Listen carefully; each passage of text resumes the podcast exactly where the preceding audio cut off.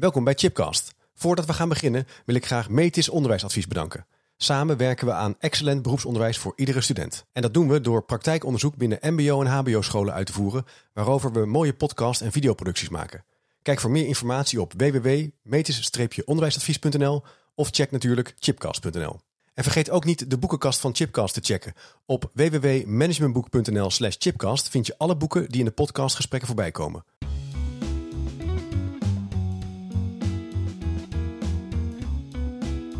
Welkom bij Chipcast, waar ik op zoek ga naar nieuwe antwoorden en verrassende inzichten op vraagstukken die mij bezighouden. Leuk dat je luistert naar een nieuwe aflevering en voor de oplettende kijker in een nieuwe studio. Bij mij te gast is Erik Meester. Erik, leuk dat je er bent. Nou, dankjewel. Je bent docent pedagogische wetenschappen van primair onderwijs aan de Radboud Universiteit in Nijmegen. Ja. En je was eerder te gast in de podcastserie om het te hebben over de waarde van kennis. Dat is een van de allereerste afleveringen. Ja, mooi.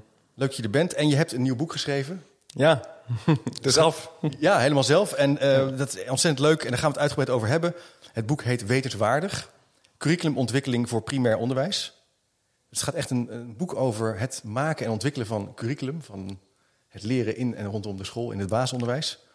Um, dat boek komt in september uit. Dus als deze podcast verschijnt, is hij er bijna. bijna Ja. Een paar dagen later bestellen. Ja. Uh, om misschien maar even te beginnen bij het begin. Wat was de aanleiding voor jou om een boek te gaan schrijven over curriculumontwikkeling en maken? Um, nou, ik denk dat de directe aanleiding was dat wij... Uh, wij hebben een uh, volledige universitaire leraaropleiding... voor uh, primair onderwijs ook, Ja. op de Radboud. En daar wilden we eigenlijk een vervolg aan geven. Omdat we, we zagen uit onderzoek dat veel uh, leraar met een uh, leraar met academische achtergrond, dat die binnen een paar jaar weer het beroep verlaten. En dat vinden wij heel erg zonde. En de reden die daar zij uh, voor opgeven, over het algemeen, is dus gebrek aan perspectief, hè, ontwikkelperspectief. Dus toen hebben we gedacht, nou, daar willen we iets aan doen. Uh, om meer van die mensen te behouden in het werkveld. Uh, dus we willen eigenlijk een master maken die uh, ja, wat wel op masterniveau is, maar wel um, heel dicht bij die praktijk blijft. Dus toen hebben we eigenlijk bedacht om een master te ontwikkelen die heet curriculumontwikkeling voor primair onderwijs. Um, en dat is dus een vervolg op onze bachelor. En ja, de, toen ik die master ging ontwikkelen, moest ik ook heel veel uh, literatuuronderzoek doen. Hè. We hebben heel veel gelezen, ook Ja. heel veel mensen opgezocht hè, die in het verleden uh, met curriculumontwikkeling bezig zijn geweest, bijvoorbeeld bij de Universiteit Twente. Ja. En uh, nou, ik kwam dus verder en verder in dat onderwerp. En ik ben zelf ook al iemand die heel veel onderwijsontwikkeling heeft gedaan, het verleden, curriculumontwikkeling.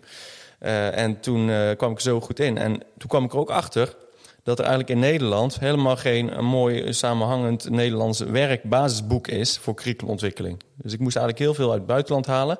Dat is één. En ten tweede uh, ook voor verschillende aspecten van curriculumtheorie allemaal verschillende literatuur. En Ja. toen dacht ik, nou, nu heb ik een idee voor een boek. Het werd vaak tegen me gezegd, wanneer ga je een keer een Moet boek schrijven? maken? Ja. Ik zei, ja, dan wil ik wel echt iets schrijven wat dan iets toevoegt. En uh, dat was in mijn ogen dit. ja.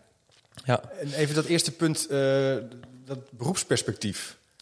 Uh, klopt het dan dat leraren dan zeggen, ja, na een tijdje, ik stap uit het onderwijs, omdat ze dus niet te veel, niet kunnen doorgroeien? Dat is dan de, een van ja, de ja, dus het is niet analyses. Zo, ja, het is dus niet zozeer. En zeggen mensen, ja, maar je moet toch gewoon in primair onderwijs, ook voor de klas en zo. Ja. Dus daar, gaat, dat vinden mensen ook wel uh, leuk en, uh, en uitdagend. Dus daar gaat het helemaal niet om. Maar uh, ze willen vaak, dit is dus wat generaliserend, hè, want er zijn ook wat andere redenen. Maar ze willen gewoon graag ook daar andere dingen bij doen. En Ja. curriculumontwikkeling is een van die dingen wat wat er gewoon ook een, een, beroep doet op je, ja, op je cognitieve capaciteit. Omdat Ja. het gewoon heel complex is, zoals we dadelijk uh, zullen bespreken. Ja. Uh, dus het is echt bij, bij uitstek iets wat wel iets is wat heel erg nabij de praktijk uh, moet gebeuren in, mijn ogen. Ja. Maar wat wel ook op een, uh, ja, op een ander niveau iets, uh, iets vraagt. En waarbij echt die academische achtergrond mooi tot zijn recht kan komen. Ja, ja. Maar ik moet meteen denken bij curriculum ook aan curriculum.nu. Hè. Er is natuurlijk heel veel aandacht nationaal gezien op het herzie de herziening van het bestaande curriculum. Ja. Uh, hoe, zie jij die koppeling tussen, tussen dit boek en, en, en zo'n uh, meer uh, macroniveau? Ja, nou ja, je noemt al macroniveau. Dit boek is echt met name geschreven op mesoniveau. Hè? Dus houdt in Ja. het schoolniveau. Dus uh, hoe kan je binnen je team, hè, met een dus directeur uh, aan, de, aan de leiding, uh, hoe kan je daar tot mooie curriculumontwikkeling komen? Ja. Maar natuurlijk in het boek neem ik ook uitstapjes naar het macro-perspectief, dus het landelijk of ook zelfs internationaal perspectief. Ja. Van wat kunnen we daarvan leren? Hè? Welke lessen kunnen we eruit trekken? Uh, want het heeft natuurlijk wel parallellen met elkaar, maar het heeft ook, uh, ja, sommige dingen zijn ook heel anders. Ja. Ja, precies. Oké, en we gaan er zo induiken. Dan gaan we een beetje langs de redenering en de opbouw van het boek lopen... om echt een aantal van die curriculumaspecten bij de kop te pakken. Uh, wetenswaardig, dat woord. Uh, hoe, Ja. hoe kwam je bij dit titel? Nou, dat is wel leuk. Mijn dochtertje die nam een, eh, die nemen dan af en toe boekjes mee uit de schoolbibliotheek. Ja, En ehm, ik had nog eigenlijk geen titel. En, en eh, toen had ze een boekje. En dan staat op de rug van het boek staat dan zo'n eh, etiketje. Weet je wel, met het eh, genre. Hè, bijvoorbeeld avontuur of dat soort dingen. En- Ja, ja. En toen zag ik zo... Ik zat gewoon op de bank en ik zat een beetje om me heen te kijken. En toen zag ik dat boekje liggen en er stond dus op wetenswaardigheden. En toen was ik eigenlijk net bezig met het idee van dat boek. En curriculumontwikkeling gaat natuurlijk ook voor een heel groot deel... een hele belangrijke vraag bij curriculumontwikkeling... is van wat is nou waard om te weten? ja. En dus wat, welke kennis is nou het meeste waard om, om aan onze leerlingen te geven?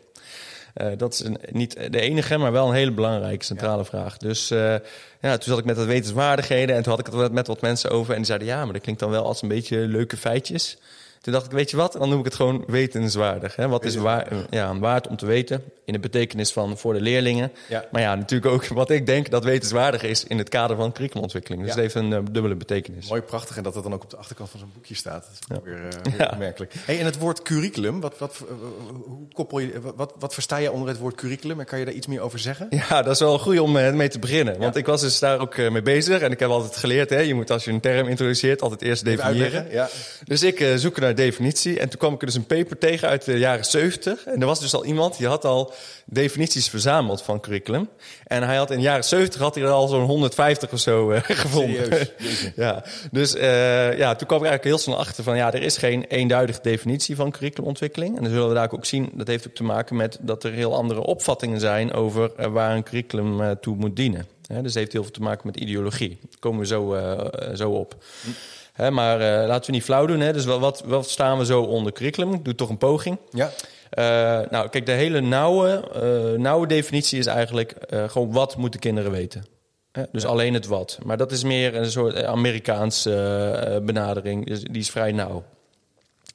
Ehm, hier in, met name in Europa, hè, ook vanuit de Du- Duitse traditie, ehm, wordt ook meer gekeken naar, naar het hoe. Dus eh, ehm, hoe ga je eh, die kennis eh, die je graag aan die leerlingen wil meegeven, hoe ga je die op de beste manier onderwijzen Ja. hè, of overbrengen of Ja. tot stand laten komen? En dan de derde element, hè, de basiselement, is ook het of. Hè, dus eh, eigenlijk de toetsing. Eh, eh, of het ook is aangeleerd, of Ja. het is gelukt wat je, wat je van plan was. Hè. Dus wat wil je aanleren, hoe ga je dat doen... en hoe ga je eigenlijk controleren of dat is gelukt. Hè. Dus dat zijn eigenlijk de drie basiselementen... waarvan je ook kan zeggen, dat is curriculum. En het, het woord curriculum, dat is een Latijns woord... en dat betekent zoiets als racebaan. Dus je, je, je kan het ook zien, je kent het spel Levensweg, eh, Ja. gezelschapsspel. Ja, eh, dat idee, hè, dus een curriculum eh, vitae, dat betekent ook, hè, dus je, eigenlijk je levensweg. Ja. En het curriculum van onderwijs zou kunnen zeggen, ja, het eigenlijk je onderwijslevensweg. Hè, dus het pad wat jij behandelt hè, in primair onderwijs. Je komt vier jaar bij groep 1 en op, op groep 8 ben je klaar. Welk pad heb je dan behandeld, bewandeld en wat komt daar allemaal bij kijken? Dat is eigenlijk een beetje wat, wat we verstaan onder curriculum. ja, dus het wat, het hoe en of je iets hebt Ja, gedaan of niet. De milestones, de piketpalen, de Ja. toetsen. ja. Dat, ja. Dus eigenlijk in de brede opvatting zeg maar, is het eigenlijk alles eh, Ja. wat om en rond de school gebeurt... eh, om die kinderen van A naar B te brengen. ja, en dan curriculumontwikkeling. Dat gaat dan over het, het, het ont- ontwerpen, het ontwikkelen van... Ja, Pad. ja dus eigenlijk eh, sleutelen aan dat, aan dat eh, onderwijspad... wat Ja. zo'n leerling eh, afloopt. Hè. En, ehm, en, dus ja, ik noem het ook wel onderwijsarchitectuur...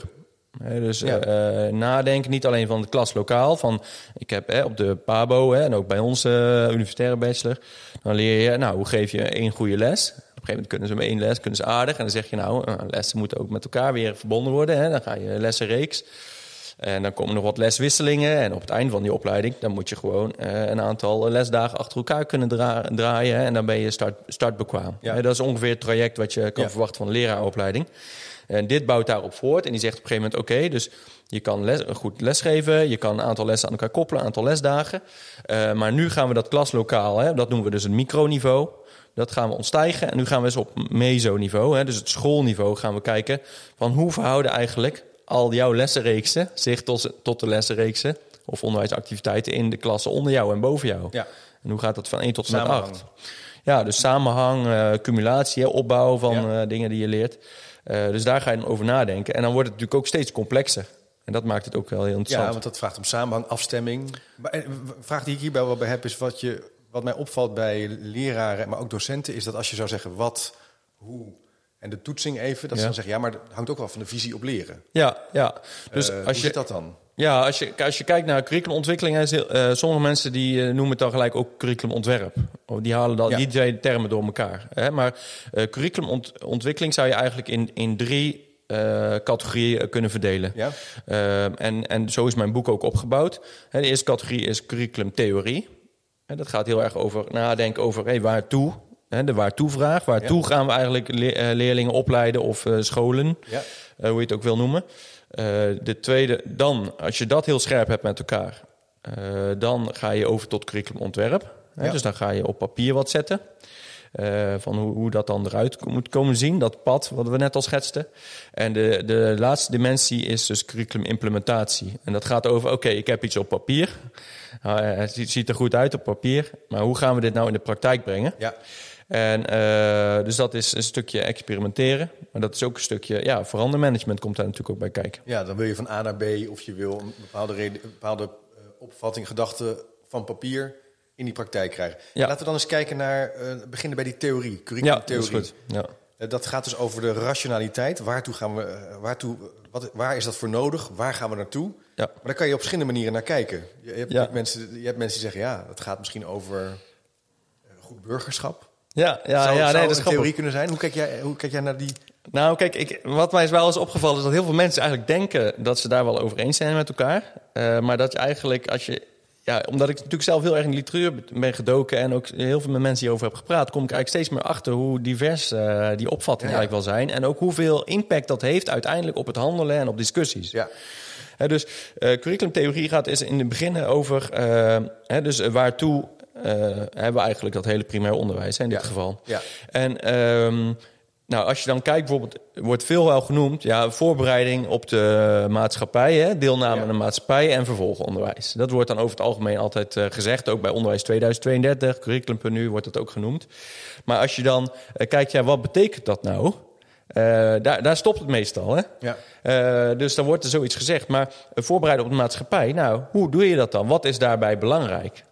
En wat je dan ziet, is dat er dan hele grote verschillen ontstaan. Hè? Dus dan zijn er mensen die hebben meer een eh, academische inslag. Hè? Dus eh, ik noem die ook wel de culturalisten in mijn boek. En, eh, en die zeggen, ja, je moet gewoon... Hè, de, de mensheid heeft door de eeuwen heen een prachtige body of knowledge geaccumuleerd met elkaar. En we moeten al die culturele kennis die we hebben met opgebouwd door de, door de eeuwen heen... die moeten we overdragen op de volgende generatie. Dat is Ja. onze, onze cadeau aan een nieuwe generatie. Nou, prachtig, hè? Ja. Niks mis mee. maar, kijk, er zijn ook mensen... En die noem ik de meer naturalisten. Hè? Dus de meer de, de, de leerling-centraal eh, beweging. En die zeggen, nou, eh, voorbereiden op de maatschappij. Nou, wat is belangrijk in de maatschappij? Nou, dat je jezelf kent, eh, wie je bent. Dat je zelfvertrouwen hebt. En dat je aardig bent voor andere mensen. En eh, nou, dat is- dan denk je, oh, dat klinkt ook eh, heel goed. Hè? Dat is natuurlijk ook belangrijk. Eh, maar je hebt ook mensen die, eh, die zitten heel activistisch in. En die zeggen, ja, de wereld gaat helemaal eh, ten onder. Eh, Ja. We hebben klimaatverandering, Ja. plastic en eh, oorlog en weet ik veel wat allemaal. En daar moeten we iets aan doen. En de, ja, de, de jeugd heeft de toekomst. Dus we moeten de jeugd gaan voorbereiden op dat zij de wereld gaan veranderen. ja, de school gaat over duurzaamheid. Ja, ja, duurzaamheid over- ja. en eh, global sustainable eh, Ja. goals en eh, Ja. weet ik veel wat allemaal. Dus we moeten, daar moet het over gaan op school. Klinkt ook goed als je dat zo En hoort. dat klinkt Kan je ook goed. van denken, nou, Ja, dus wat, wat, het, wat het aardige is, zeg maar, dat al, dit zijn allemaal ideologieën. Ja. Die helemaal niet, allemaal niet, die zijn helemaal niet verkeerd, allemaal niet verkeerd. Ja, je, je kan natuurlijk ook een hele nare ideologie hebben, want ook ja, in Nazi-Duitsland, hè, daar werd op Ja. school ook eh, aan het curriculum gemorreld. Eh, gisteren op het journaal hoorde ik nog dat, dat ze nou ook in, het, eh, in het curriculum in Syrië allemaal met Russische dingen bezig zijn. Nou, dus ik bedoel, dat kan van allerlei, er Ja. kan ook negatieve dingen mee gebeuren. maar Maar je zegt het is een ideologie. Ja. Het is een opvatting die je hebt over de wereld. Ja, en die is niet per, niet per se fout, zeg maar. Nee. Die, die mag je altijd hebben. Ja. Hè, En, eh, maar wat je wel moet beseffen, is dat dat verregaande consequenties heeft... voor als je uiteindelijk een curriculum wil gaan ont- ontwerpen... en ook uiteindelijk gaan opvoeren en implementeren. En wat je dus heel vaak ziet, is dat die discussie eigenlijk niet echt eh, heel diepgaand gevoerd wordt. Nee. Dat wordt gezegd, nou ja, als het al gevoerd wordt, hè, want het wordt eigenlijk heel erg gezegd, ja, iedereen zal het hier wel mee eens zijn. Of we zullen hier wel met elkaar over eens zijn. Maar, En dan gaan we gewoon beginnen. Maar als jij in je team een aantal mensen hebt die heel daar, eh, een aantal culturalisten. En je hebt een aantal eh, naturalisten en activisten. Dan zul je zien dat daar gewoon heel veel eh, mismatch gaat ontstaan. En heel veel eh, ja, problemen door gaan ontstaan omdat ze elkaar gewoon niet begrijpen of niet willen begrijpen of nou ja, ga zo maar door. Dus dus dan begint het eigenlijk al in die basis, in die eerste fase, kunnen er dus eigenlijk al verschillende opvattingen zijn waar je in het bouwen aan een curriculum later last van kun- kunt gaan krijgen. ja, ja, en eh, dat is dus en dat gaat dus over dat je heel diepgaand eh, begrip hebt met elkaar van wat staat ons eigenlijk te doen en wat is eigenlijk onze eh, missie en visie daarbij. Ja? Kijk, er wordt wel eens, eh, misschien wel eens lacher over gedaan. Maar eh, als je dat toch niet met elkaar op diepgaand niveau eens bent, dan zie je dus dat in het curriculum ook allerlei rare dingen gaan gebeuren. Ja. Terwijl als wij het super goed met elkaar eens zijn en wij weten heel goed met elkaar van wat we willen doen. En dat mag ook een compromis zijn. Hè? Ik bedoel, het hoeft niet dat wij precies identiek zijn aan elkaar in onze ideologie. Maar we zijn in ieder geval eens en we over een aantal basisprincipes. Dit is belangrijk voor ons. Dan kun je ook veel meer in vertrouwen met elkaar werken. En dan komt er ook al als van nature, Ja. eh, als auto, het is niet automatisch, want je hebt daar heel veel tijd en moeite in gestoken. Maar daarna zul je zien dat het nooit een verrassing is wat er bij jou in de klaslokaal gebeurt of bij mij. Dat, Nee, dat is al- wel waar het om gaat dan. Ja, Als je uiteindelijk gaat bouwen. Eh, Zou jij wetenschap ook zien als een ideologie dan? Als één of. of, of nou, dat- het heel veel over evidence-based. Nou, ik, kijk, ik denk dat eh, wetenschap natuurlijk ook altijd deels ook ideologisch eh, gedreven is. Hè? Dus die is Ja. ook niet vrij van ideologie. Maar ik zie dat wel inderdaad als een, even in dit, in dit kader even als een aparte eh, eh, invloed. Hè? Ja. Dus, eh, want in mijn boek beschrijf ik ook van, kijk, je hebt al die ideologieën en daar is op zich allemaal niks mis mee. Die mensen zijn allemaal goed te begrijpen. Ja. Maar eh, we hebben ook zoiets als eh, wetenschap, hè, de, de empirische wetenschap, die gewoon dingen test in de praktijk en dan kijkt van werkt dat ook. Ja. Dus daar kan ik ook wel een voorbeeld van geven. Ehm, een bekend voorbeeld is dat die mensen, eh, naturalisten, hè, om die maar even, even als archetype groep even te benoemen. Daar zijn natuurlijk allerlei eh, duizend en één afwijkingen van, maar even als archetype. Ehm, die willen heel graag tegemoetkomen aan de, de, de unieke natuur van elk kind. Ja. Ja, dus dat is ook heel eh, prima. Ik snap ook dat, dat begrijp ik ook. En dat is hartstikke mooi. Hè? Die mensen hebben echt geen, daar helemaal geen negatieve bedoelingen mee. Maar als je dan gaat kijken, zeg maar, in een wetenschap, en onderwijswetenschappen, en dan gaat kijken, nou, wat zijn nou eh, manieren om daar aan tegemoet te komen aan de unieke eh, natuur van kinderen? Ehm, ja, dan zie je dat niet elke benadering even effectief Nee. is. Hè? Dus eh, voorkennis blijkt dan super belangrijk te zijn. Hè? Dus je kan, dat is zeker een factor waar je heel veel rekening mee moet houden. Maar als je zoiets hebt van ja, de unieke leerstijl, hè, dat komt ook uit de ideologie voort. Ja, dan, dan zie je van nou, dan kan je misschien beter die tijd aan trainingen en eh, over leerstijlen en over het in kaart brengen van leerstijlen en al die dingen meer. Die tijd kan je dan misschien beter besteden aan iets waarvan we wel weten, wat je ook belangrijk vindt, hè, maar waarvan we wel weten dat het ook echt nut heeft. Dit is wel een vraag die ook eh, vaker wordt gesteld. Diana Faber, leraar in het speciaal basisonderwijs, die eh, stelt ook een vraag in reactie op, op deze podcast. Zegt, het valt mij nog op, ik ging solliciteren bij, bij, bij, een, bij een school, had ze het over een tijd geleden, dat er nog steeds veel aandacht was bij die school voor die leerstijlen. Ja. Zegt ze, ik, en ook op de PABO valt het haar op dat die leerstijlen dus heel sterk nog eh, worden gepropageerd. Ja. Ja, eh, haar vraag is: heeft Erik advies voor het ministerie van Onderwijs over effectief en kwaliteitsverbetering van het over effectiviteit en de kwaliteitsverbetering van het onderwijs? Eh, maar dit is dus ook weer zo'n punt van ideologie die dus eigenlijk langzamerhand in zo'n school Ja. doorcijpelt, waarvan je je kan afvragen. Ja. eh, Ja, nou ja, ik denk dat het ten eerste, en dat is ook bij mij, hè, dus voor de studie die ik heb gedaan voor mijn Ja. boek, eh, kreeg ik ook meer sympathie eh, voor die ideologieën. Ja. Snap je? Dan. Als je dat dan allemaal leest en dan denk je, ja, weet je, die mensen bedoelen het ook echt niet verkeerd. En, eh, de- dus ik denk dat dat al een eerste stap is. Hè, Dat dat je begrijpt dat mensen ook vanuit de beste bedoelingen, net als jij, vanuit de beste bedoelingen dingen doen die ze doen. Dus, maar eh, als je, dan ga je al een heel ander gesprek, denk ik, aan dan eh, als je denkt van nee, ik moet jou eh, de waarheid vertellen. Ehm, ik, ga, ik, ga, ik moet hem of haar corrigeren. Dit Ja. niet goed. Ja, dus dat is wel iets wat ik ook in mijn eigen ontwikkeling, zeg maar, als professional daaruit heb gehaald. Ja.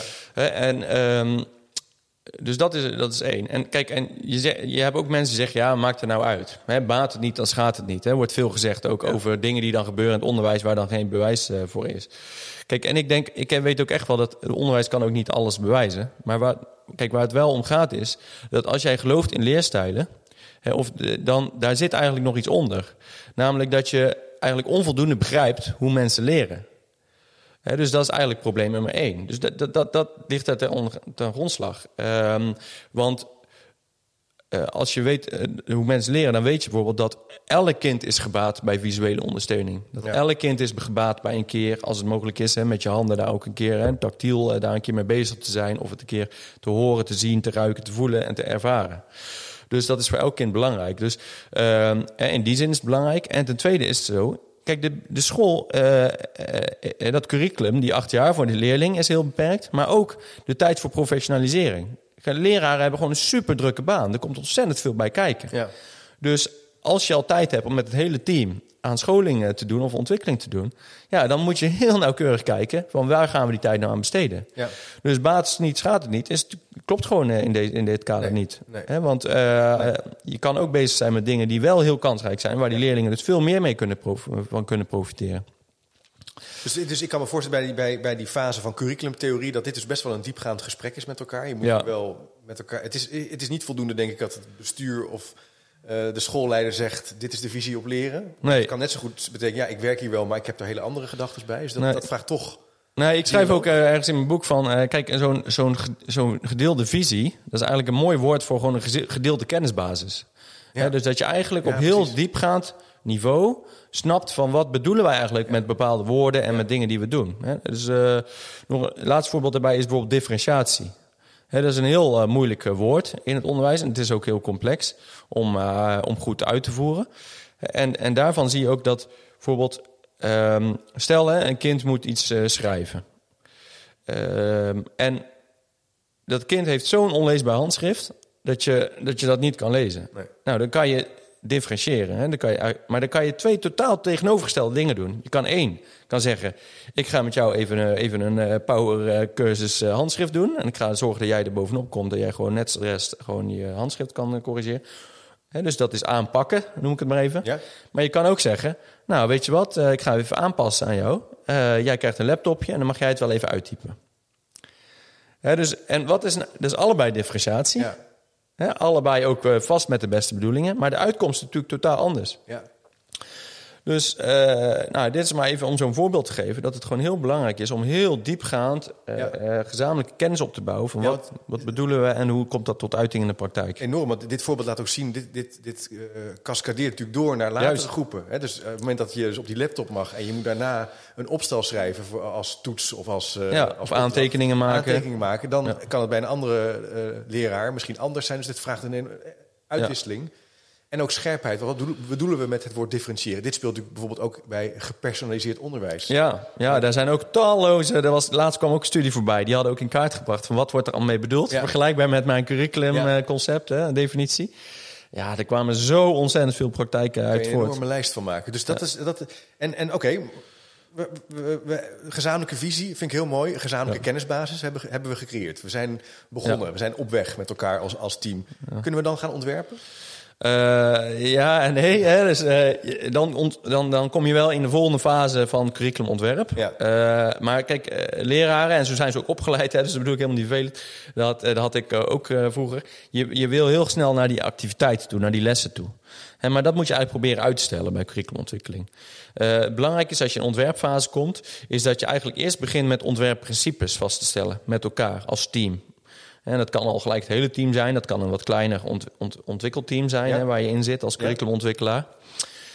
Ehm, en omdat ook net als je een gebouw gaat maken, hè, dus stel bij een gebouw, hè, je bent architect. Nou, je gaat eerst waartoe, hè, dus eh, die waartoe vragen. Ja. Dus eh, waar moet dat gebouw allemaal voor gaan dienen? Die, dat is die visie, Ja, dat is kennisbasis, die visie, et cetera. Nou, dat heb je met elkaar be- besloten. Dan eh, ga je dus ontwerpprincipes. Wat bedoel ik daarmee? Nou, dat als je een gebouw gaat maken, dat je zegt, nou, alles goed en wel, maar we hebben wel te maken met de zwaartekracht. Hè, dus we, er moet een aantal draagmuren. Eh, er moet eh, overal elektriciteit en water eh, terechtkomen. Er moeten bepaalde isolatiewaarden zijn en ga zo maar door. Hè, dus dat is eigenlijk, dan weer terug even naar het onderwijs. Je wil dus dat curriculum gaan ontwerpen, maar je gaat eerst met elkaar bedenken... wat zijn nou eigenlijk de leidende ontwerpprincipes... Ja. als we dadelijk aan het echte ontwerp gaan beginnen. Ja.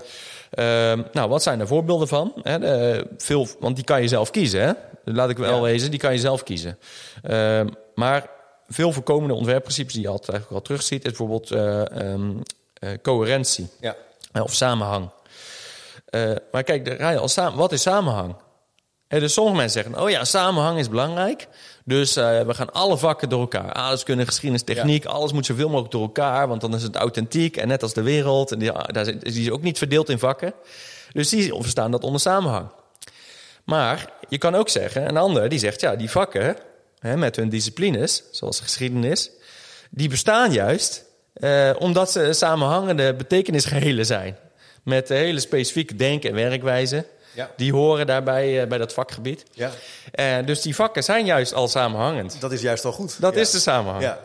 Hè, en dat moet, als je dat allemaal op een berg gaat gooien met elkaar, ja, dan wordt het weer te moeilijk. Want dan ver- verlies je eigenlijk de toegankelijkheid voor de leerlingen.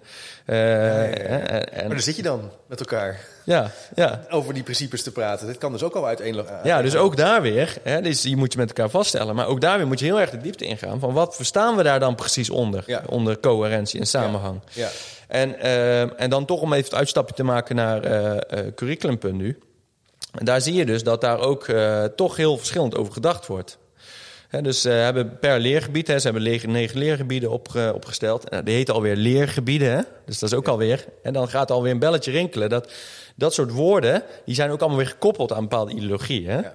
Maar waarom heet het niet gewoon vakgebieden? Of kennisgebieden. Kennisgebieden Ja. of eh, disciplines? Leren gaat toch meer over een proces. Ja, Dat kan ja. dus meer sociaal al zijn. Ja, wat is leren, komt- ja. Wat is leren? Dan kom je al een beetje... Ja, dus, eh, Wat maar, erg is, maar jij zegt eigenlijk daar kan dus verwarring al ontstaan. Ja, ja, en dat zie je dus ook bij Curriculum nu. Want wat ik heb gedaan is, ik heb alle, eh, ook in het kader van de, het schrijven van het boek, hè, heb ik alle visiestukken gelezen van al die negen leergebieden. Ja. En toen heb ik gekeken van welke ideologische kenmerken zitten er nou onder elke zin in deze tekst. En die heb ik allemaal gecodeerd en zo. En daar heb ik allemaal, misschien moet ik dat nog een keer publiceren hoor. Ja, maar, dat is wel boeiend. eh, dat, ehm, dan zie je gewoon dat er enorme verschillen zitten in, in die leergebieden. En dan kan je dus eigenlijk ook constateren dat bij curriculum.nu, hè, dat is dat landelijke curriculumontwikkeling verhaal, dat daar dus ook helemaal geen duidelijke curriculumtheorie eh, is vastgesteld. Nee. Want anders krijg je gewoon niet zo'n diversiteit aan visiestukken. Maar dit kan natuurlijk bij, bij scholen ook gebeuren... dat zo'n proces langzamerhand een alibi is om het allemaal, hè, allemaal te koppelen aan elkaar... allemaal te verbinden en niet te kiezen.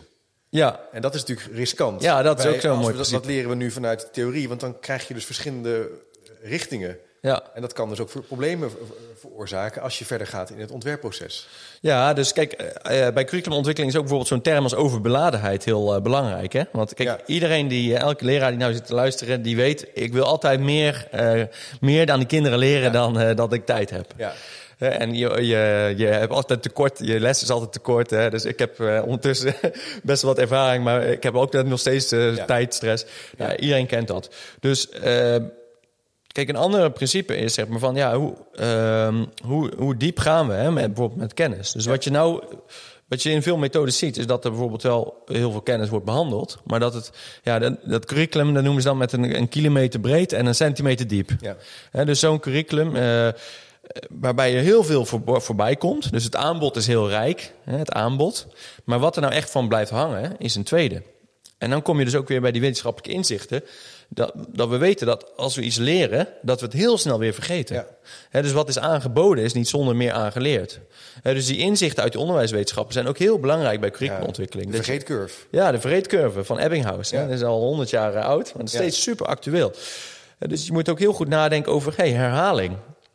Eh, Want als je dat dus niet doet, kan je dus denken als leraar... nou, ik heb het aangeboden, ja. we gaan door naar het volgende onderdeel. En dat kom ik ook wel eens op scholen tegen. Dat er dus niet een soort inzicht is van... hé, hey, dat, dit kan je bij de tafels van rekenen ook heel duidelijk terugzien tussen groepen. Ja. Eh, maar ook bij kennis over aardrijkskunde. Eh, ja, ik heb het zelf ook. Je vergeet dingen weer. Ja.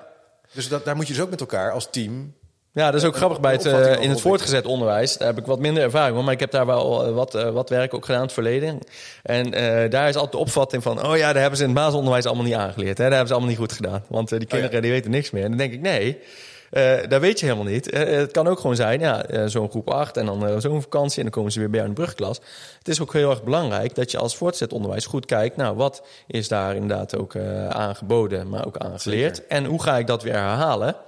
Zodat, hè, dus het is toch niet als je één, keer iets hebt aangeleerd, dat het dan ook gewoon voor altijd blijft hangen.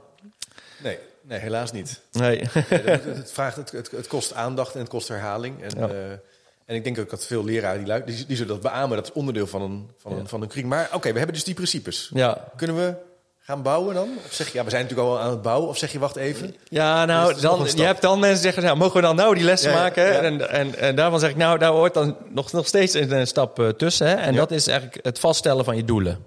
Ja. En dan zeg ja, hadden we net toch al gedaan. Nee, eh, die, die curriculumtheorie gaat meer over de bedoeling.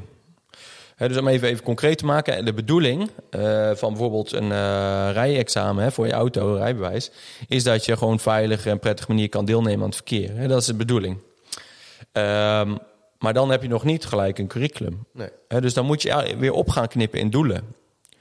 Dus eh, een doel is bijvoorbeeld dat je dan de verkeersborden kent. Ja. Eh, dat, en, maar dan ben je er ook nog niet. Hè? Dus, er zijn, eh, hè, dus je hebt een bedoeling, hè, van waartoe moet het nou leiden. Ja. En daaronder ga je dus doelen Ja. eh, formuleren. Dus een visie is een- een stip op de horizon, een onbereikbaar doel bijna, een opvatting zo. Dat zou perfect zijn. En daarna zeg je eigenlijk, ja, en dan gaan we naar doelen toe. Ja, dus je gaat eigenlijk van abstract eigenlijk steeds meer naar concreet. Ja.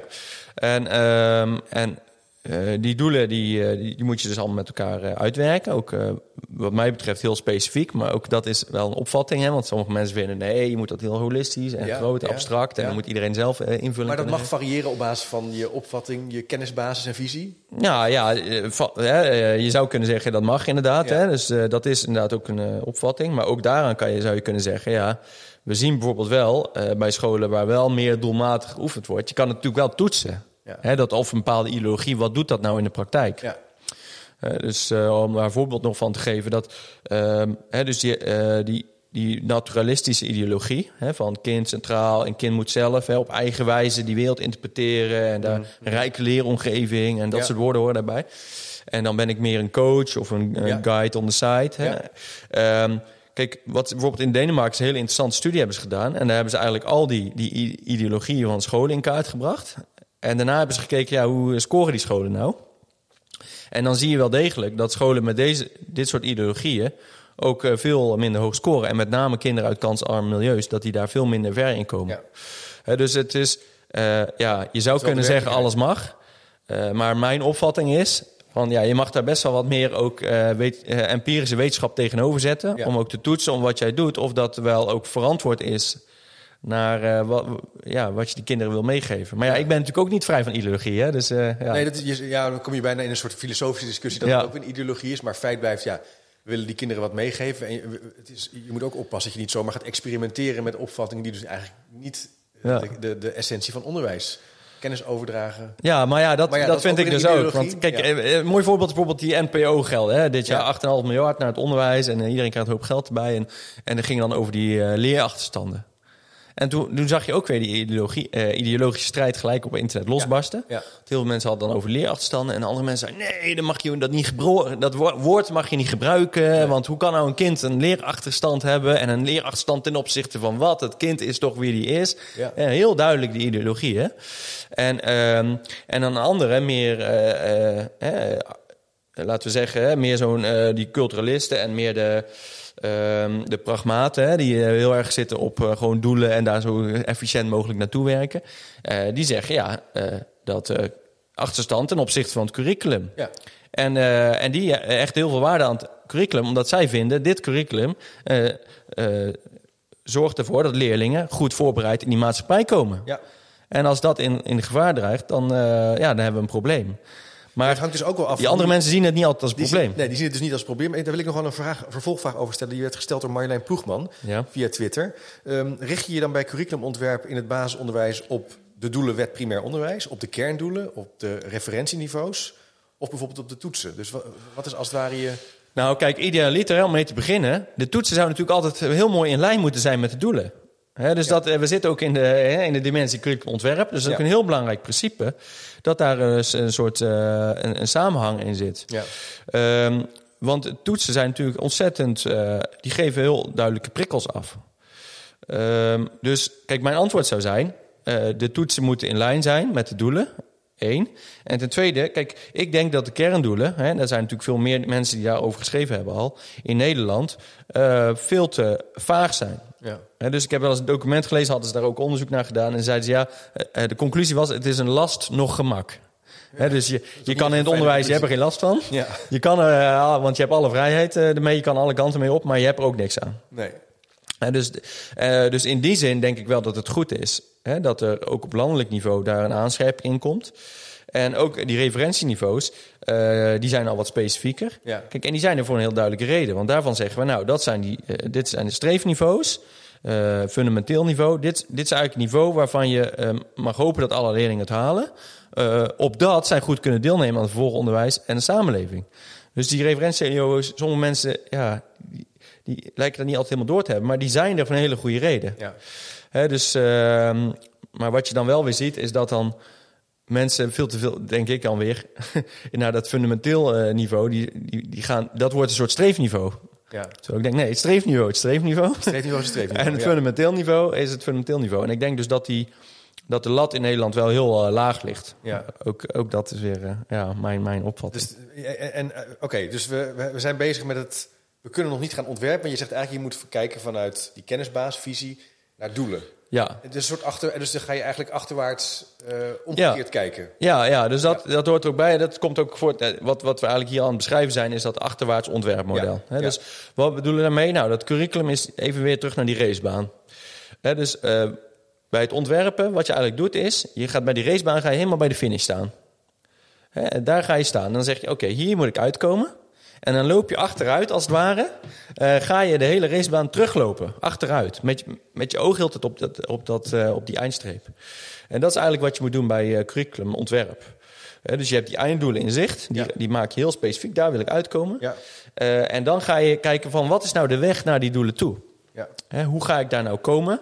En dan die, die toetsingsvraag, hè, die speelt daar nog naast natuurlijk. Ja. Hoe ga ik ook vaststellen dat ze daar zijn gekomen?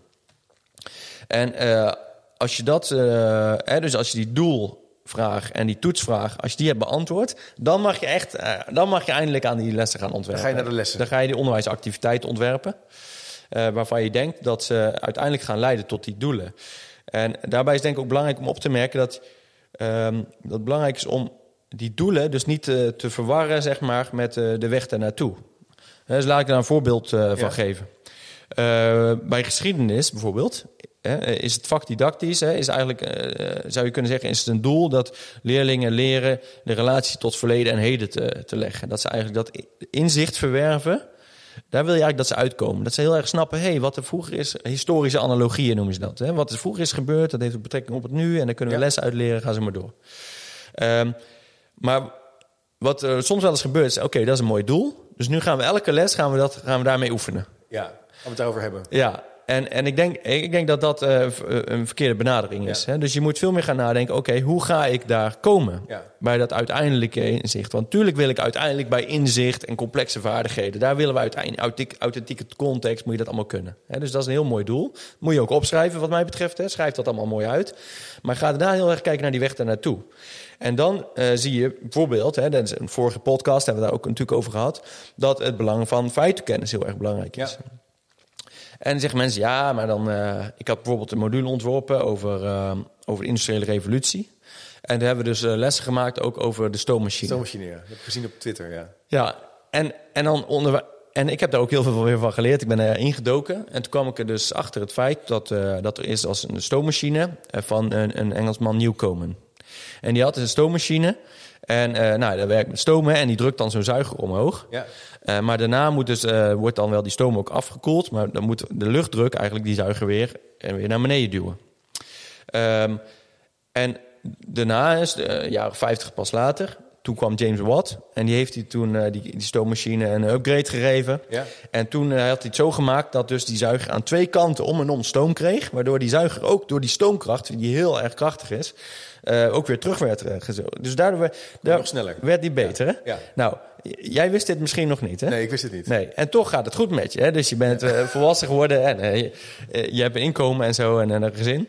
Eh, dus sommige mensen zeggen dan schertsend van ja, wat maakt dat nou uit, zo'n feitje? Ja. En dan is mijn antwoord dus, kijk, eh, die, losse feitjes, ik wist dat ook nog niet. Dus die losse feitjes, eh, die doen er niet zo toe. Maar de vraag die zij stellen is eigenlijk gelijk aan, wat heb je aan één baksteen? Ja. Dus als je denkt, ja, met één baksteen, ja, daar kan je een keer mee gooien. Net als met zo'n feitje, hè, daar kan je een keer mee gooien, of mijn pubquiz. Eh, maar eh, als je heel veel bakstenen hebt, die heel mooi in met elkaar in verband liggen, dan kan je een heel mooi bouwwerk ja, bouwen. ja. En, en zo kijk ik eigenlijk ook naar dat inzicht. Hè. Dus Ehm, je wil uiteindelijk dat kinderen echt inzicht eh, verwerven. In ieder geval, dat wil ik. En eh, om daar te komen heb je dus eerst heel veel basis eh, feitenkennis nodig. Ik kan me voorstellen, ook als je wil snappen hoe de, de opkomst van de industrialisatiefase in Engeland... Ja. dat het je dan helpt om eigenlijk een optelling te hebben van dit soort Ja, eh, innovaties, vernieuwingen, mensen. Zodat je langzamerhand gaat snappen, oh, in zo'n tijdsbeeld leven. Ik moet denken aan de podcast die ik eerder met Maarten van Rossum heb opgenomen. Dat is natuurlijk een geschiedkundige die Ja. geen blad voor de mond neemt. Nee, maar die had het ook over dat hij geeft heel veel gastlessen over, over de Tweede Wereldoorlog onder andere. En zijn punt is altijd, de Tweede Wereldoorlog kan je eigenlijk alleen maar begrijpen als je de Eerste Wereldoorlog ja, ja, ja, ja nou, dat is dingen. begrijpt. En eigenlijk nog daarvoor, het heeft een hele aanloop en ook daarna weer. En het valt hem dan op dat, dat daar al het een beetje stil wordt eh, in de klas. Ja. Dus, hij zegt van, eh, dus ook daar bij het tijdsbeeld, wat jij ook schetst, Ja. vraagt dus verschillende blokjes, bakstenen. Ja, en, die, en die dan samen leiden tot, een, tot inzicht. hè. een dus ik heb het ook niet over een stapel bakstenen. Want als ik heel veel bakstenen los op een stapel gooi, Ja, dan dan, krijg ik een stapel bakstenen. Dat, is, dat is nog geen huis. Ja. Dus je moet die bakstenen heel zorgvuldig uitkiezen. Eh, waarvan je zegt, hey, dit zijn de bakstenen of de feitjes... die uiteindelijk leiden tot dit inzicht wat ik wil. Ja. En in dit geval was het dus... hè, eh, om te beginnen, dat ze gewoon snappen wat technologische vooruitgang, wat dat een Ja. beetje inhoudt. Ja. Dat is eigenlijk het inzicht.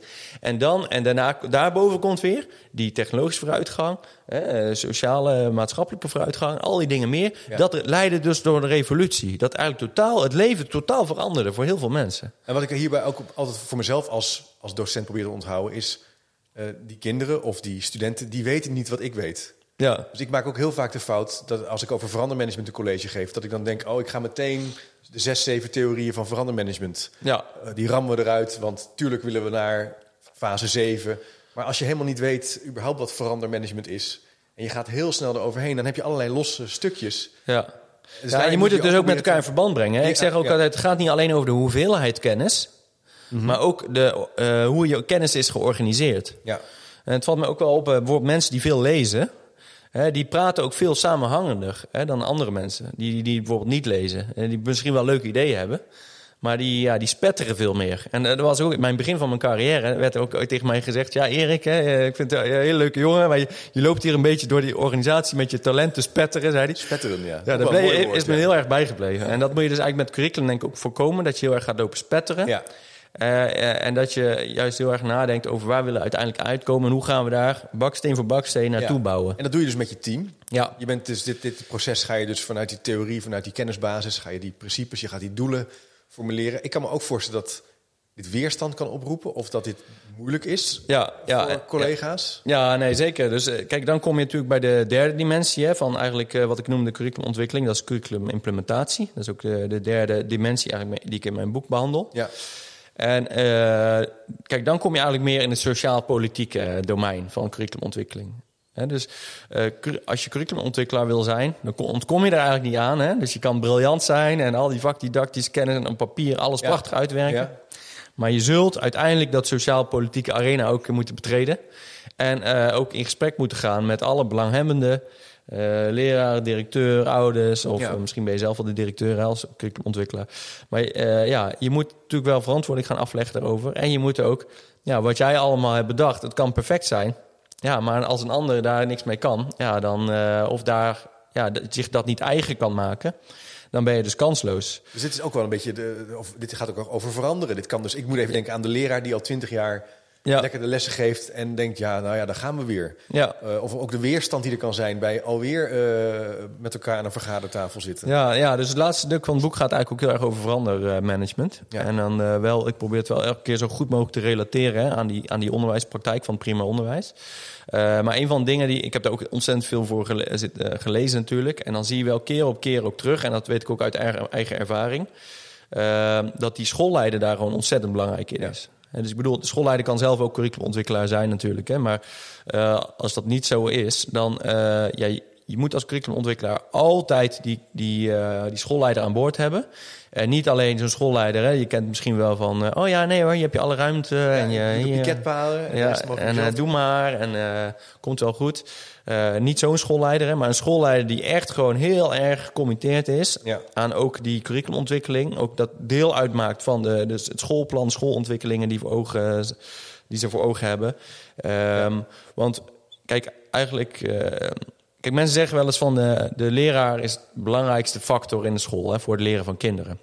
En dat is op microniveau wel zo. Hè, dus op klasniveau is dat wel zo. Maar als je kijkt naar schoolbreed niveau, dan, komt, eh, dan is die eh, schoolleider veel belangrijker. Vele malen belangrijker. Want eh, wat je dus eigenlijk ziet, hè, daar hebben ze ook eh, studies naar gedaan, is dat eh, die effectiviteit van die, die, die schoolleider, die is misschien wel op klasniveau net iets lager. Indirect, hè, net Ja, iets lager precies, dan ja. die leraar. Net, net iets. Maar die schoolleider heeft dat, die, die invloed op alle klassen in de hele school. Ja.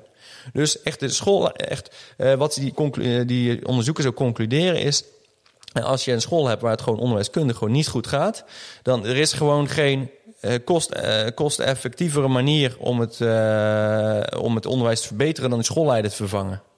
Toch wel. Ja, dat is echt gewoon by far. En ik vind ook gewoon dat daar veel te weinig over gesproken wordt. Dus het gaat heel veel over leraren nou, hè, die moeten van alles. En die, maar eh, schoolleiders zijn eigenlijk veel belangrijker Ja. voor de Zijn we een onderwijskwaliteit. beetje vergeten. Ja, ik denk het wel. Ik denk dat daar gewoon te weinig, eh, misschien beleidsmatig, eh, gewoon te weinig aandacht voor is. Ja. Het gaat ook over kwaliteit van managementvaardigheden, kwaliteit van leiderschap. Ja, Wat mij hierin opvalt is dat, we hadden het net even over die ideologieën.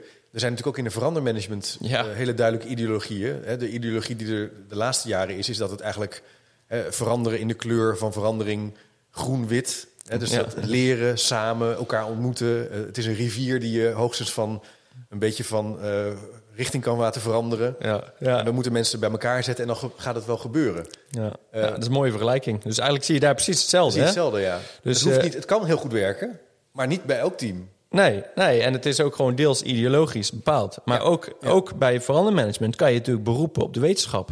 Ja. En in de wetenschap, en dan denken soms wel eens mensen dat daar dan precies staat wat je moet doen. Dat is helemaal niet zo. Nee. Hè, maar wat daar wel in staat is, zijn, dit zijn de principes, dit zijn de dingen die hebben gewerkt hè, met deze context en deze doelgroep. Ja. En eh, daarna zal je het altijd in de praktijk moeten brengen. Ja. Hè? Maar het, het geeft in ieder geval meer richting dan gewoon alleen maar doen wat je, wat je gut feeling zegt. Dat vind ik in ieder geval niet professioneel. Nee, het kan ook gewoon onbetrouwbaar zijn. Je kan er ook naast zitten. Ja, Dus laat je ook, laat je ook voeden door die wetenschap. En je hebt, eh, je hebt ook wel ervaring bij dit ontwerpproces. Hè? Je hebt een, een Ja. school begeleid, maar ook voor je tijd in Nijmegen natuurlijk heel veel eh, scholen begeleid. ja. Eh, kan je nog wat, ge- wat geheime tips geven? Nou, kijk. nou, boek natuurlijk, maar toch? Nou, nou, kijk, ik denk dat het wel heel belangrijk is. Wat ik er zelf ontzettend weer van heb geleerd, is dat het gewoon. dat het zo'n enorm leerproces is, hè, curriculumontwikkeling. Ja. Ja. Ik denk dat veel mensen daar ook naar kijken als een meer papieren proces. En dan hebben we het op papier en dan staat het er en dan zijn we klaar. Ja. Maar curriculumontwikkeling, dat gaat echt heel erg hand in hand met professionele ontwikkeling. Ja. Dus dan, dan moet dus ook geen afsnijroutes. We willen altijd snel, snel, snel, eh, snel beter. Maar dit is niet snel, snel. Je moet het echt heel eh, zorgvuldig en ook nou, en uitgebreid aanpakken. En daar veel tijd voor nemen ook om dat leerproces met elkaar aan te gaan. En daar niet alleen weer in elkaar, eh, tegen elkaar te gaan zeggen wat je al twintig jaar tegen elkaar zegt. Hè. Veel nieuwe input, veel lezen met elkaar. Echt studie doen met elkaar. Daarover discussiëren. En dan gaan toepassen van kijken hoe we dat in onze praktijk werkbaar Dat kunnen kan je dus eigenlijk in elke fase doen. Hè? Elke, bouw, elke fase die jij onderscheidt in je boek, die drie fasen, Ja. even als, als uitgangspunt, kan je dus die blik van buiten en die theorie en die inzichten benutten. Ja, ja, ja, zeker. En, ehm, nou ja, en wat ik ook heel erg van heb ervaren is dat je, het, je leert gewoon zo ontzettend veel van. Hè? Dus het, vergelijk het met een kind, hè? je leert ze alles over plantjes en de bloemetjes en de bijtjes. En dan eh, uit het boekje, hè? allemaal niks mis mee. Maar als je dan ook een keer naar buiten gaat hè? en dan zo'n tuin ingaat en dan die plant eens bekijkt en dan die nerven en dan hé, deze dit, dit blad ziet er net als aan. Je voelt het blad en je voelt die textuur. Eh, sommige planten kan je zelfs proeven. Nou, dat soort dingen. Dat, dat voegt echt iets toe. En dat heb ik bij curriculumontwikkeling dus ook. hè. Je hebt al die theorie. Maar als je dan echt met die leraar gaat zitten... Hè, en, in zo'n ontwikkelgroep of met het hele team... en je gaat dat echt stapsgewijs meedoen. Ik heb zelf ook lessen gegeven en zo. Dan ga je ook echt ervaren Ja. hoe jouw ontwerp werkt in de praktijk. En wat ook niet werkt. En, en ook in die verandermanagement, wat werkt wel en niet. En ja, dat geeft zo'n verrijking als Het curriculumontwikkelaar. mooie is dat je daar ook het, dus het professionaliseren en het ontwikkelen hand in hand laat gaan. Dat is denk ik Ja. wel een heel interessant perspectief op, eh, op eh, het maken van een nieuw curriculum. Ja, Dat je er eigenlijk heel veel zelf van kan leren. ja. Dat het bij uitstek eigenlijk een, een alibi is om dat te doen. Maar nog, nog even een laatste vraag, of een laatste vraag van de luisteraar... voor we richting afsluiting gaan. Martin Dogger is leraar in groep 5. Mhm. En die vraagt zich af, hoe kun je als leraar op je eigen school... nou met eh, een curriculum aan de gang? Want je hebt natuurlijk... eh, eh, wat pak je als eerst op? Je hebt Nou, eigenlijk, eh en dan zou ik flauw antwoord geven, eigenlijk niet. Dus als, als individuele leraar gewoon Ja. eigenlijk niet. Nee. Dus eh, het eerste wat je eigenlijk moet doen is... eh, ja, in literatuur noemen ze het ook wel een leidende coalitie vormen. Je moet ten eerste gaan verbinding gaan zoeken met de schoolleider. Ja. En, en daarmee moet je eigenlijk op één lijn kunnen komen van... qua ideologie, maar ook qua lijn van, van een doel. Van waar, waar willen, waar, waar zijn we nu en waar willen we naartoe? En dan moet je daar denk ik wat mensen bij gaan zoeken. Eh, die daar ook, die of heel veel expertise hebben, hè, die jij goed kan gebruiken. Ofwel bijvoorbeeld een informeel leider zijn. Ja. En bijvoorbeeld sommige scholen heb je mensen die zijn helemaal niet per se een heel goede leraar of, eh, of inhoudelijk heel goed. Maar daar, daar kijkt wel iedereen naar. Ja. Hè, Als zij naar links lopen, dan eh, lopen Ja. mensen mee. En als ze niet mee willen, dan gaan ze ook niet mee. Dus eh, je gaat gewoon kijken, wat zijn nou mensen die strategisch ook handig zijn in zo'n groep. Ja. En daarmee ga je dus langzaam dit proces doorlopen. Mooi, dus, dus, dus kom in beweging door een leidende coalitie te vormen. Ga met mensen in gesprek in je school. Om te kijken of je een clubje kan maken. En met je schoolleider, die is denk ik daarin heel belangrijk. Ja, of dat... Het is gewoon echt, onderwijs is gewoon een teamsport. En daar moet je gewoon echt niet aan voorbij gaan. Want anders ben je gewoon echt kansloos. En dan ga je jezelf heel erg frustreren. Ja. En want de andere vraag die ik ook heel vaak krijg, ja, hoe ga ik dan met, eh, hoe ga ik hè, als leraar bijvoorbeeld, of als curriculumontwikkelaar, niet zijnde schooldirecteur, ga ik, eh, ga ik met weerstand om? Of hoe ga, neem ik dat weg? En dan zeg ik, nou, eh, niet. Nee. Hè, dus dat is, dat, dat is niet jouw taak. Of in ieder geval niet geheel jouw taak. Hè? Dus dat, daar is een hele, eigenlijk de allerbelangrijkste rol bij die schoolleider. Dus je moet ook met elkaar afspreken, wat, is, wat zijn elkaars rollen? En eh, één is ook een formeel leider. En een schoolleider moet ook gewoon beslissingen maken. Hè, want die heeft ook gewoon een formele positie. En die is dus heel erg belangrijk in het kader van curriculumontwikkeling. Dus Ja. je, moet, je moet denk ik heel erg af van het individu denken... en heel erg proberen die verbinding te zoeken. En dat is- ja, dat is dus die sociaal-politieke dimensie van curriculumontwikkeling. Het is niet alleen maar op papier. Interessant, Erik. Leuk om met je zo over te praten. Misschien als laatste nog wat afsluitende tips. Als je nu luistert en denkt, nou, ik, eh, ik ga dit boek eh, bestellen. Ik ga lezen hierover. Ik ga hiermee aan de gang. Je, je noemde al bijvoorbeeld, het is niet een lineair proces, maar Ja. veel meer, meer iteratief. Ja, ja, daar had ik, had ik het net al even met je over hè, Ja. vooraf. Kijk, ehm, wat ik nu beschrijf lijkt het een heel lineair proces. Hè? En dit zijn natuurlijk allemaal wel opbouwende, logische, ombouwende Ja. stappen. Blokken, ja, zeg maar. Maar ik denk dat het wel heel goed is, ook uit de literatuur, ook uit, de- uit, uit de praktijk, eh, dat het in, in, in de realiteit is het echt een iteratief proces. Hè? En iteratief betekent eigenlijk herhaald. Hè? Dus dat je eigenlijk continu, eh, je zet eh, soms twee stappen vooruit en soms zet je ook weer een stap terug. Eh, dus soms kom je er ook achter dat in je ontwerp, hè, bijvoorbeeld dat je eigenlijk in je curriculumtheorie een bepaalde aannames hebt gemaakt die in die praktijk niet blijken te werken. Of je hebt je ont- ontwerpprincipes, maar eh, in het ontwerp zelf loop je tegen allerlei dingen aan waarvan je zegt: hé, wacht even, daar moeten we eigenlijk een ontwerpprincipe dan ga je dus weer, je zegt eigenlijk is juist de bedoeling om dan weer terug te gaan naar Ja. het fundament en er doorheen te, te akkeren, zeg maar. Ja, ja en, en wa- wat je ook kan doen, zeg maar, wat je ook iteratief kan aanpakken, is zeg maar het implementatieproces. Hè? Dus dat noemen ze ook wel rapid prototyping. Ja. Dus ehm, ja, meer ouderwets was het idee. We gaan iets maken en dat moet helemaal perfect zijn. En dan gaan we het pas een keer in die praktijk toetsen, Ja, als het ja. ware. En eh, dat is een beetje wat verouderde eh, gedachten. Eh, in sommige sectoren ICT hè, zijn ze daar ook vanaf. Ja, Daar werken ze meer met dat scrum. Hè? Dus dat idee is het eigenlijk ook. We gaan eigenlijk vrij snel al naar een prototype toe. Dus bijvoorbeeld net, je hebt zo'n ontwikkelgroepje met een paar mensen erin. En we hebben een idee voor een curriculumontwikkeling eh, voor handschrift in groep 3. En we gaan al, eh, bijvoorbeeld ik ben, ik, ik sta zelf in groep 3 een aantal dagen in de week. Ik ga alvast in mijn les, ga ik al, in mijn klas, ga ik alvast daar wat, eh, wat eerste keer mee oefenen. Ja. En dat gaat dan helemaal niet per se goed. Maar dat is, dan weet je al wel veel meer van welk kant je op moet met je Doe je ook de ervaring op? Heb je de feedback loop om Ja. weer opnieuw te kijken naar je ontwerp, criteria, principes? Juist. En dan Dus ga je, je, hoeft ook niet terug. zenuwachtig te worden om weer dus terug te gaan naar die basis. En Nee. daar het weer over te hebben. Want dat nee, dat is het juist het leerproces. Dus je moet Ja, jezelf... Hè, curriculumontwikkeling is gewoon leren, een leerproces. En daar hoort bij ook dingen proberen... en dan feedback eh, krijgen van de leerlingen... of uit naar leerlingenwerk of van collega's... en dan weer terug naar die tekentafel. Ja. En dan weer opnieuw. En dan, als je het later dan wil opschalen... Hè, je wilt dan van eh, alleen maar naar groep 3 en 4... naar eh, groep 5 tot en met 8 ook eh, doen... dan sta je dus ook veel sterker. Want dan heb je al een veel beter product, Ja. om het zo maar even te Ja. zeggen. Ja. Ja, je wordt ook goed in het ontwerpen. Hè? Je kan dus ook profession... Dan krijg je weer hand in hand het professionaliseren en het ontwikkelen. Ja, maar daarmee moet je dus wel weer in gedachten houden dat zij ook weer het leerproces moeten doormaken wat jij hebt gedaan. Ja, Hey, ik, ik heb dat schets dat in mijn boek met het Z-model. ja. Dus je maakt zeg maar een beweging. En ehm, wat je dan moet doen is eigenlijk als je naar de rest van het team gaat, weer die beweging terugmaken. Ja. En dan eigenlijk met hun dezelfde ontwikkeling doormaken als jij zelf hebt gedaan. En wat je vaak ziet is dat die terugbeweging wordt overgeslagen. Ja. Dat mensen niet beseffen hoeveel kennis ze eigenlijk hebben opgedaan in de tussentijd. Komt toch weer op kennis uit. Ja, ja, ja. Nee, Mooi, Erik. Dat is Ja, echt dus- een eh, leidmotief in mijn boek. Hè? denk het wel, hè? Ja, Ja. Ook in het ontwerpen. Als jij met geschiedenis gaat ontwerpen. Ik heb ook heel veel eh, vakdidactiek, hè, geschiedenis, boeken erbij moeten halen. Ik heb ook een expert van de UvA erbij gehaald. Eh, en heb ik zoveel, zoveel weer van, van geleerd. Je moet dan ook heel goed weten wat bij geschiedenis, hè, en wat daar dan weer bij belangrijk is, vakdidactisch gezien. Dus ja, je hebt overal bij al die fases heb je gewoon heel veel eh, kennis nodig. Leuk Erik, super interessant. En gaaf om met je over te praten over het boek, wetenswaardig. Ja, Eh, vond ik ook. Ja, ik, ik, eh, heel interessant. Ik hoop dat de luisteraars er ook eh, wat aan hebben. Ik denk het wel. Is, ik denk heel leuk om echt even die fase door te lopen en wat meer zicht te, bieden op hoe je nou eigenlijk ontwerpt, hoe je werkt aan curriculumontwikkeling. Ja. Ehm, ik zou zeggen, beste luisteraar, we hebben best wat linkjes genoemd ook die in het gesprek voorbij kwamen. Die zal ik ook even op de website plaatsen. Dan kan je die altijd nog even naslaan. En ik zal ook natuurlijk de link naar het boek plaatsen, naar Wetenswaardig, zodat je dat kan bestellen als je het leuk vindt. Erik, dankjewel voor je tijd. Ja, jij ook natuurlijk. Ja, hartstikke tot, eh, leuk. ik zou zeggen tot de volgende keer. Misschien Ja, wel, wie weet. Ehm, en schrijf je ook even in voor eh, de nieuwsbrief automatisch via www.chipcast.nl slash doe mee. Dan krijg je om de week gratis en voor niks de update met meer achtergrondinformatie. Ik zou zeggen, tot de volgende keer maar weer.